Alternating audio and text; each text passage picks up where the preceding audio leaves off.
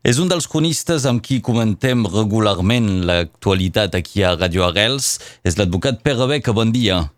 Bon dia. Et tenim aquí justament per eh, doncs, analitzar, comentar els resultats d'aquestes eleccions departamentals i regionals. Et proposi que comencem, veieu un tema més general que concerneix les dues, com és l'abstenció? Sí, és evident que em sembla que el fet el més eh, eh, important pel futur de la democràcia és el nivell d'abstenció en aquestes eleccions. Eh, el Departament de Pinedes Orientals, 64,75% d'abstencions. Vol dir que un 35% de la gent ha manifestat la seva opinió, amb conseqüències fortes sobre el vot, però que la majoria de la gent no s'ha manifestat.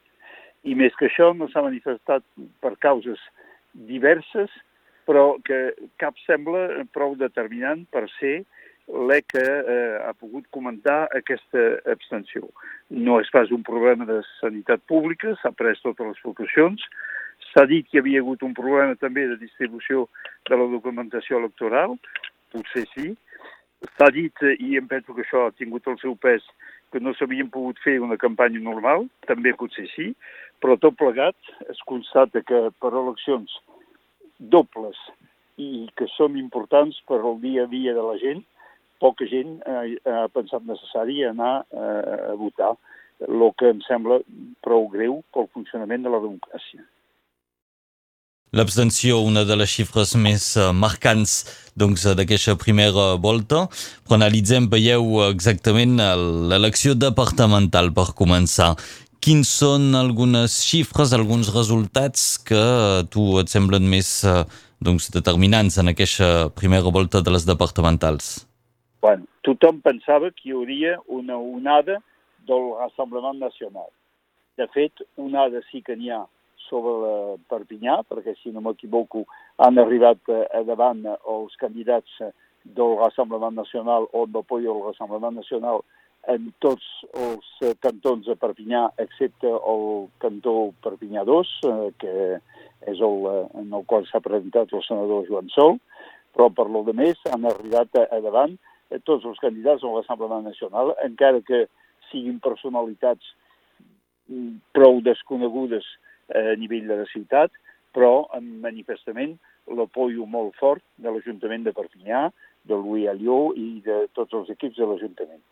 Això té un significant. Però al revés, en els altres eh, cantons fora de Perpinyà, rurals, la majoria departamental que es considerava com eh, més o menys eh, des desacreditada, ha pogut conservar, eh, com ara eh, a Elna, amb una forta majoria a favor de Nicolás Garcià, com ara eh, el Vallespí i el Veres, eh, amb una prou gran majoria del Robert Garabé, candidats sortent, eh, també el Canigó, però més just en 30 del Batlle de, de Parats de Molló, eh, també eh, Pirineus Catalanes, és a dir, que el panorama realment no ha canviat. Han quedat a favor de la dreta eh, els cantons que ja eren seus i l'única excepció que sigui net, clarament un passatge d'esquerra cap a dreta serà el cantó de la Costa Vermella, en el qual eh, Nicolás, eh, Gregori Martí, Batlle de Porvendes,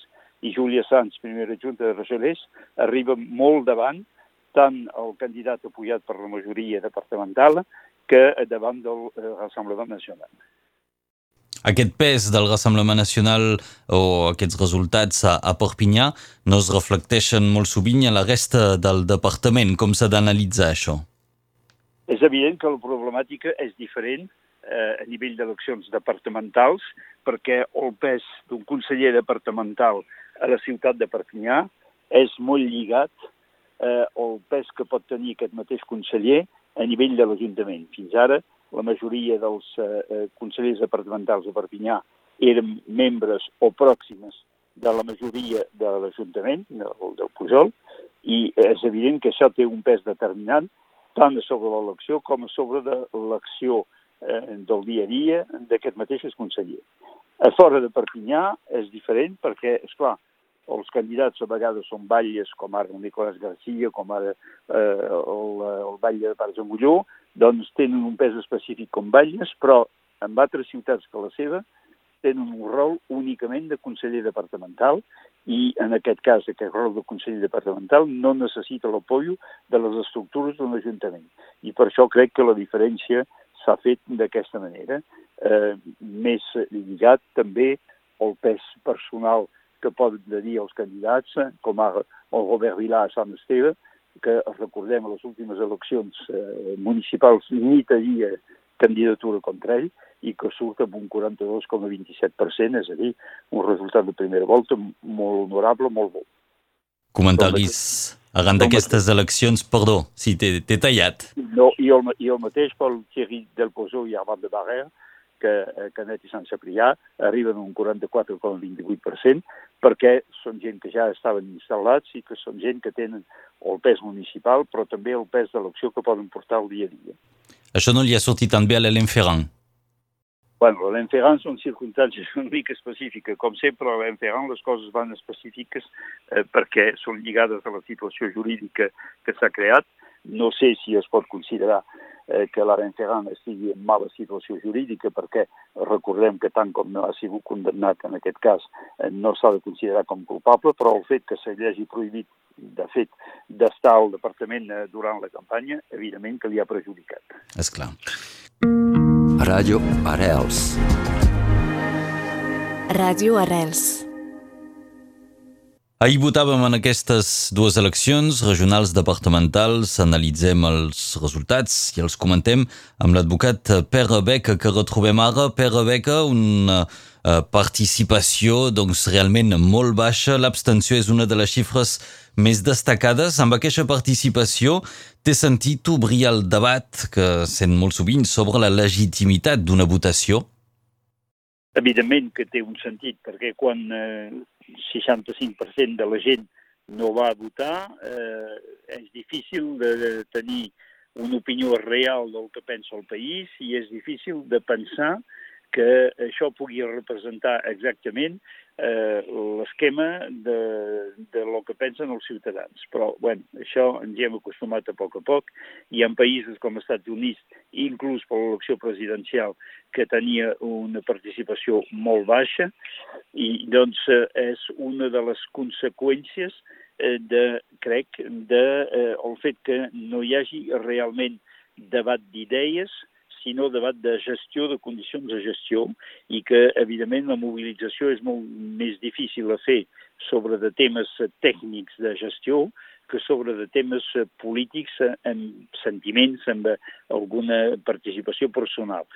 Però, bueno, jo crec que els electors, eh, i especialment els que no han anat a votar, han de pensar que aquí s'hi juguen moltes coses i que, especialment pel tema regional, el pressupost de la regió és el segon pressupost públic que després del de l'Estat, té unes conseqüències molt fortes sobre la manera de viure de la gent i valdria la pena que els electors en tinguessin consciència i fessin l'esforç d'anar a votar.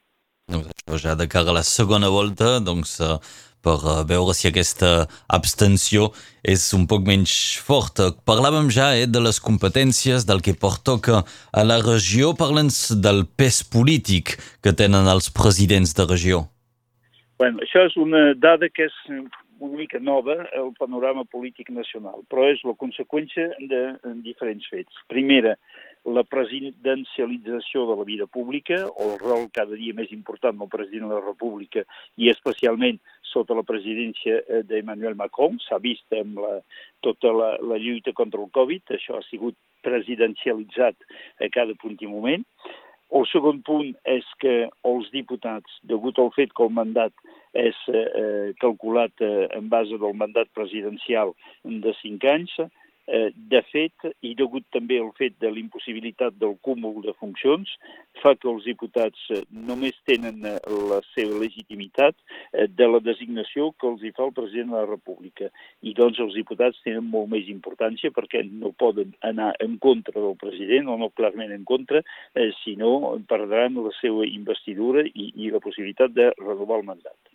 I la tercera cosa és que els ministres tampoc tenen un pes polític específic. Anteriorment hi havia en tots els governs un equilibri entre els partits eh, membres de la coalició. Actualment la majoria dels ministres són tècnics, són bastant desconeguts eh, a nivell eh, local i doncs no tenen un pes polític específic. Per conseqüència d'això, perquè la natura no li agrada coses buides, eh, l'autoritat política que ha agafat més pes és l'autoritat de la regió, degut al fet que les regions s'han remodelat, tenen més població, eh, 6 milions i alguna a la regió Occitània, eh, és a dir, més o menys el pes de Catalunya a Espanya, eh, tenen un pressupost més important i competències més eh, àmplies. I a més d'això, les regions no tenen un pressupost lligat. Els departaments tenen un pressupost que el 60 o el 70%, 70% en el cas del nostre, és dedicat a l'ajuda social.